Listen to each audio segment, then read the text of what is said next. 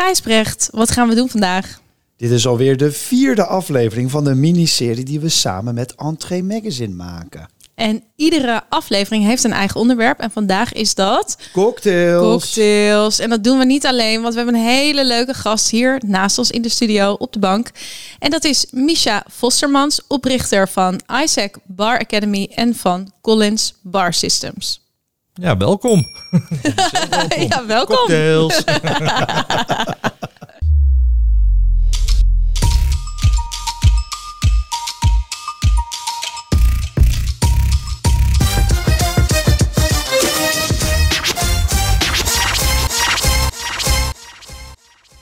In het kader van de Entree Awards 2023 werkt Backlekker samen met Entree Magazine, het mediamerk voor horeca professionals.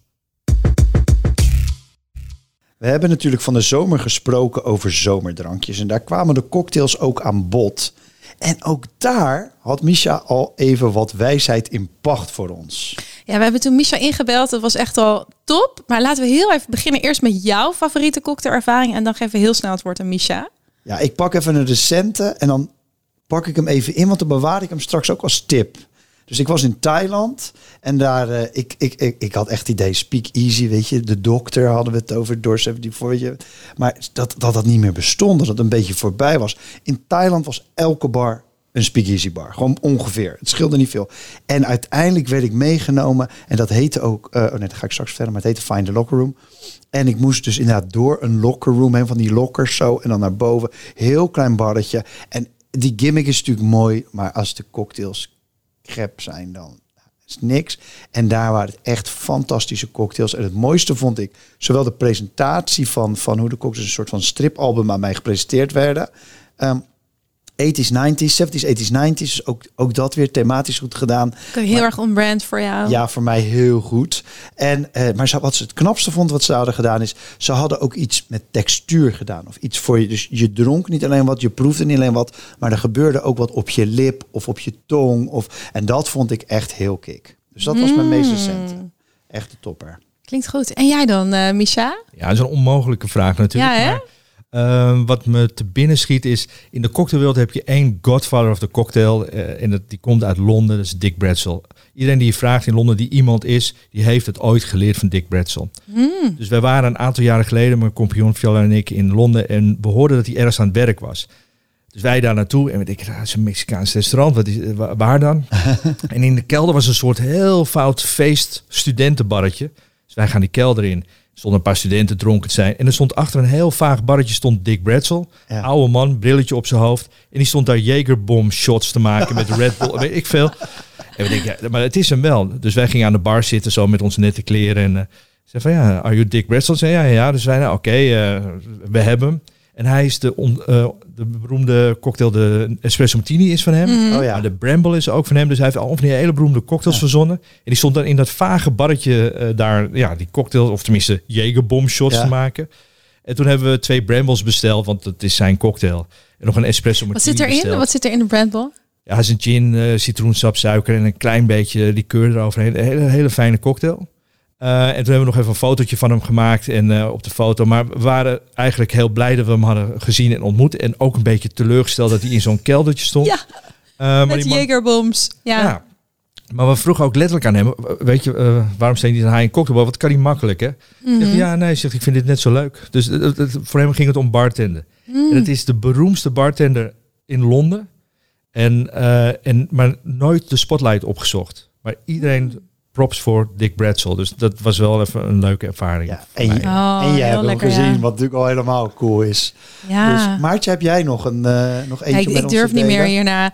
nou, ik, ik, als ik dus denk aan cocktails en eh, mijn meest memorabele cocktailervaring. Ik eh, ben, ik denk, zeven, acht jaar geleden ben ik vijf weken met mijn nichtje in Peru geweest. En ik denk dat we minimaal 50, misschien wel 100 pisco sours hebben gedronken. Ja, lekker. Oh, ik vond het zo lekker. Zo. En dat best wel zoete en dat best wel heel zuur. Daar hou ik heel erg van. En wat ik zo leuk vond is... ehm, nou, we hebben bijvoorbeeld ook gegeten bij Centraal. Het beste restaurant ter wereld in Lima. Daar hebben we natuurlijk gedronken. Heel spannend. Eh, eh, volgens mij zat daar hibiscus doorheen. Maar ook gewoon op iedere hoek van de straat. Was hij heel eerlijk gezegd net zo zalig. Want altijd voor je neus gemaakt. Altijd super vers. En dan uit zo'n lullig plastic bekertje. Ja, ik, en ik vind het heel leuk. Misha, klopt het dat die pisco sours, die zie ik steeds meer terug nu ook hier in Nederland. Ja, en die sour die hoort oorspronkelijk. Wij, wij krijgen hem vaak in een whiskyglas, maar oorspronkelijk hoort hij in een mooie champagneflut uh, gesfeerd te Oh. worden. En dan met zo'n mooi schuimlaagje, wat bitters eroverheen. En dat is een fantastische cocktail. Je kan er alle kanten mee op. Uh, maar heel simpel om te maken. Het zijn drie, vier ingrediënten en uh, goed shaken en hij is klaar. Maar hij is echt fantastisch, ja. Wist jij dat er per uur ongeveer 185.000 margarita's worden gedronken in Amerika? Ik had echt geen idee. En dit wist jij wel, maar onze luisteraars wellicht nog niet. Deze aflevering wordt namelijk mede mogelijk gemaakt door Coppa Cocktails. Premium cocktails, makkelijk te serveren. Bijvoorbeeld hun bestseller, de Mojito. Coppa Cocktails, world's best cocktails. Just add ice. Ga naar coppacocktails.com. Ik denk niet dat ik iets heel spannends zeg als ik zeg dat uh, cocktails uh, hot, hotter dan hot zijn. Uh, wij vonden jouw term echt zalig. Die hebben we veel ge geoond ook. Dus de cocktail tsunami is echt van nu. wij hebben het idee dat je bijna geen enkel drankenmenu in Nederland kan openslaan. Dus van de bruine kroeg tot fine dining zaken. Overal staat wel een cocktail op het menu. Dat was eigenlijk tien jaar geleden voor mijn gevoel helemaal niet zo. Wat wil jij ons een beetje meenemen in wat er gebeurd is? Ja, ik, ik, maak nu zeg 25 jaar cocktails. Uh, echt fulltime als werk. En die, uh, het is nog nooit zo groot geweest als nu. En wat je wel heel duidelijk ziet, dat is een splitsing. Hè? Dus de topbarretjes worden steeds topper en beter en exclusiever. Uh, maar het laagsegment en het middensegment, die doet net zo hard mee. En dat was vroeger helemaal niet zo. Cocktails waren alleen voor hotelbarren en wat cocktailbarren. En dat is nu all over. Dus ja, vandaar die tsunami. En of het nou in de supermarkt is of bij mensen thuis. Cocktail is overal.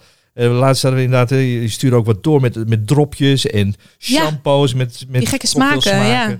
Ja, het is echt, uh, er is geen ontsnappen aan. Mm. Vandaar de tsunami. En ja, het is een, uh, wat, ik, wat ik er interessant aan vind, is het voelt ook wel of het iets van deze tijdgeest heeft. Weet je wel. Het is heel kleurrijk, heel, ja, er beweegt veel, er gebeurt echt iets of achter de bar of in je glas. En daardoor past het ook wel een beetje bij deze, ja, laten we zeggen, TikTok-tijd of, of social media-tijd. Het heeft wel een, een, een mooie combi, vind ik. Ja, ik denk wat waar Gijsbrecht en ik het ook vaker over hebben, is dat het heel erg gaat ook. Het past heel goed in deze tijd met het vieren van vakmanschap. Uh, in de horeca hebben natuurlijk afgelopen jaren een enorme opkomst gezien van monoconcepten.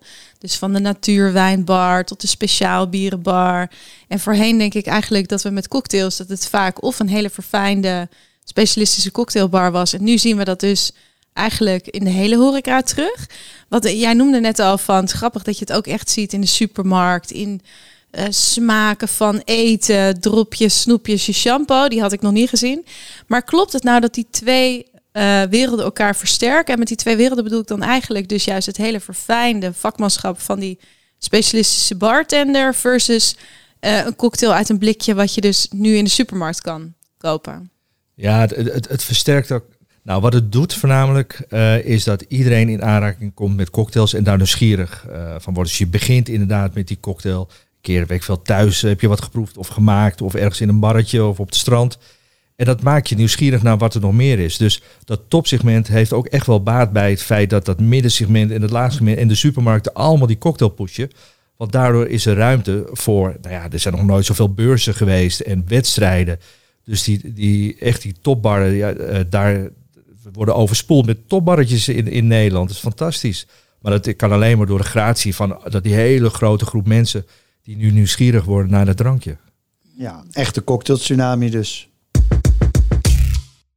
Hey, in iedere aflevering van deze miniserie hebben we het dus ook over de impact op de rest van de horeca. Dus hoe beïnvloedt deze trend andere restaurants, et cetera. Um, nou, jij noemt al, de populariteit in ieder geval de afgelopen 25 jaar van cocktails is nog nooit zo groot geweest. Mijn gevoel is dat er ook heel veel kansen liggen bij uh, horeca-ondernemers. Maar je moet hem wel op de juiste manier pakken. Nou, wat ik, wat ik grappig vind, en, um, dus een, een, een drankenkaart was vroeger één pagina in je menu. Weet je wel, zo van we hebben bier, we hebben wijn en misschien koffie en thee en that's it. Fris natuurlijk. En nu zijn er soms meerdere drankenkaarten. Of er is één drankenkaart waar dan je cocktails op staan, je spritsen op staan, je mocktails op staan, je premium sodas. Dus er ontstaat een soort van nieuwe ruimte. En ehm, ja, en daar, daar, er is dus zeven pagina's zonder probleem. En dat vind ik echt, ja, dat vind ik, dat was gewoon niet. Dat, dat zie je in een cocktailbar niet. Dat zie je ook gewoon ehm, op een terras aan de Kralingse Plas bijvoorbeeld. Ja, dus ze eten je, eh, ze eten je arm, ze drinken je rijk. Heel bekend eh, gezegde natuurlijk. Ja, ik denk dus wel eens, Misha, van met zoveel keuze. ehm, ja, welke kans pak je? Nou, waar ik denk waar kansen liggen, zijn bijvoorbeeld meer die thematische restaurants of zaken. Die bijvoorbeeld, ik zeg maar wat je doet, Italië. Dus Je hebt Italiaans eten, je hebt Italiaanse wijnen, Italiaanse bieren. Maar er zijn ook heel veel mooie Italiaanse cocktails bijvoorbeeld. Dus dat soort dingen kan elkaar heel erg versterken. En inderdaad, ze drinken hè, je rijk, om het maar zo te zeggen. Maar die cocktail, daar zitten goede marges op. Dus dat is echt interessant. Je kan het vooraf doen, je kan het achteraf na het eten doen. Het kan ook een doorstart zijn voor de avond. Dus voor een ondernemer om daar wat langer over na te denken wat je met die cocktail doet en wanneer je hem als het ware in je zaak implementeert, eh, dan, dan zijn er enorme kansen om ook meer omzet te draaien. Ja, is eigenlijk voor de branche gewoon een hele belangrijk focuspunt op dit moment. Ik heb het idee dat iedereen er ook wel mee bezig is. Ehm, en dus gewoon creatief nadenken. Deze aflevering wordt mede mogelijk gemaakt door Temper. Freelance professionals vinden wanneer jij ze nodig hebt. Je vindt ze op Temper. Kies zelf uit duizenden goede mensen op basis van hun ratings en skills. Of je nou één of honderd mensen zoekt, of freelancers voor één shift of vaker. Je vindt ze vanaf 17,90 euro op Temper. En door Colibri HRM, de payroll specialist voor de horeca. Colibri is marktleider en jouw betrouwbare partner voor al je personeelszaken. Kies voor tijd en geld besparen. Kijk op colibri.nl. Maartje, wat denk je? Zijn we nu klaar met bier en wijn? Gaan we alleen nog maar cocktails drinken in de toekomst? Nou, ik persoonlijk wel vanaf december, denk ik. Maar ehm, eh, nee, eh, zeker niet. Wat wel opmerkelijk is, denk ik, dat de popula- populariteit van de dingen die we drinken best wel verschoven is. En ik denk in de toekomst ook nog wel meer gaat verschuiven. Jij vertelde mij dat Frankrijk net voor 200 miljoen euro aan wijn heeft opgekocht, omdat het niet te verkopen meer is. Dat vind ik echt eh, bizar. Dus ik denk dat in ieder geval cocktails naast bier en wijn wat toch al heel lang de klassiekers op de kaart zijn, echt een plek heeft verdiend op het menu. Dat vind ik wel mooi om te zien. Maar ik ben dus wel heel nieuwsgierig van hoe lang blijft die hype van de Poma's en de Esma's. Ehm, ja, zal er op een gegeven moment weer. Er komt op een gegeven moment wel weer iets nieuws, toch? Misha, wat denk jij? Ja, dat is een vraag die krijg ik heel veel. Eh, hoe lang duurt dit nog en of zitten we er voor altijd aan vast? Nou, die, die, die Poma en die Esma die blijven nog wel een tijdje doorsudderen. En dan komt er ook wel weer wat nieuws. Maar in de geschiedenis van de cocktail zie je altijd dat het op een gegeven moment populair wordt. En Of dat nou de jaren 20 is of de jaren eh 60 of 70. En dan zakt het weer een beetje weg en dan komt het weer terug. Wat wel altijd zal blijven bestaan, dat, is die high-end markt. Dus die grote middenmarkt die zal op een gegeven moment een beetje doodbloeden of minder worden. Eh, maar de high-end cocktailbarren, de hotelbarren, die zullen altijd blijven bestaan. En ook met cocktails. Hey, en is er dan nog iets waar jij op hoopt voor de toekomst? Dat je denkt, oh, als ik het toch eh, mijn lieve Ja, vakgebied met cocktails iets gun, is het. Ja, dat is ik. Ik, ik, ik ben een romanticus eh, op het gebied van cocktails. Dus voor mij is cocktail het hoog, hoogst haalbare achter de bar. Je stopt tijd in iemand en aandacht. Eh, Je hebt, eh, in Japan heb je zo'n term ichi, ichio, ichii of zoiets dergelijks. Dat betekent ja, in dit moment voor jou speciaal. Dit moment komt nooit meer terug.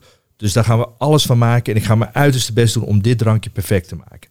Nou, dat gevoel, dat mis ik wel bij heel veel zaken. Ehm, behalve in dat topsegment, daar zijn ze echt mee bezig om iets bijzonders voor jou te maken. En ook iets wat je niet in een andere zaak kan terugvinden. Nou, als ik iets hoop, is dat we wat meer van dat, dat bijzondere en meer terug in die ouderwetse tijd. Dat je gaat genieten van een cocktail, dat je je mooi aankleedt. En dat we echt eventjes dat moment vieren. Ehm, en dat zie ik niet zo snel met zo'n tapcocktail gebeuren. Ik moet een beetje denken aan onze categorie, maatje, de restobar.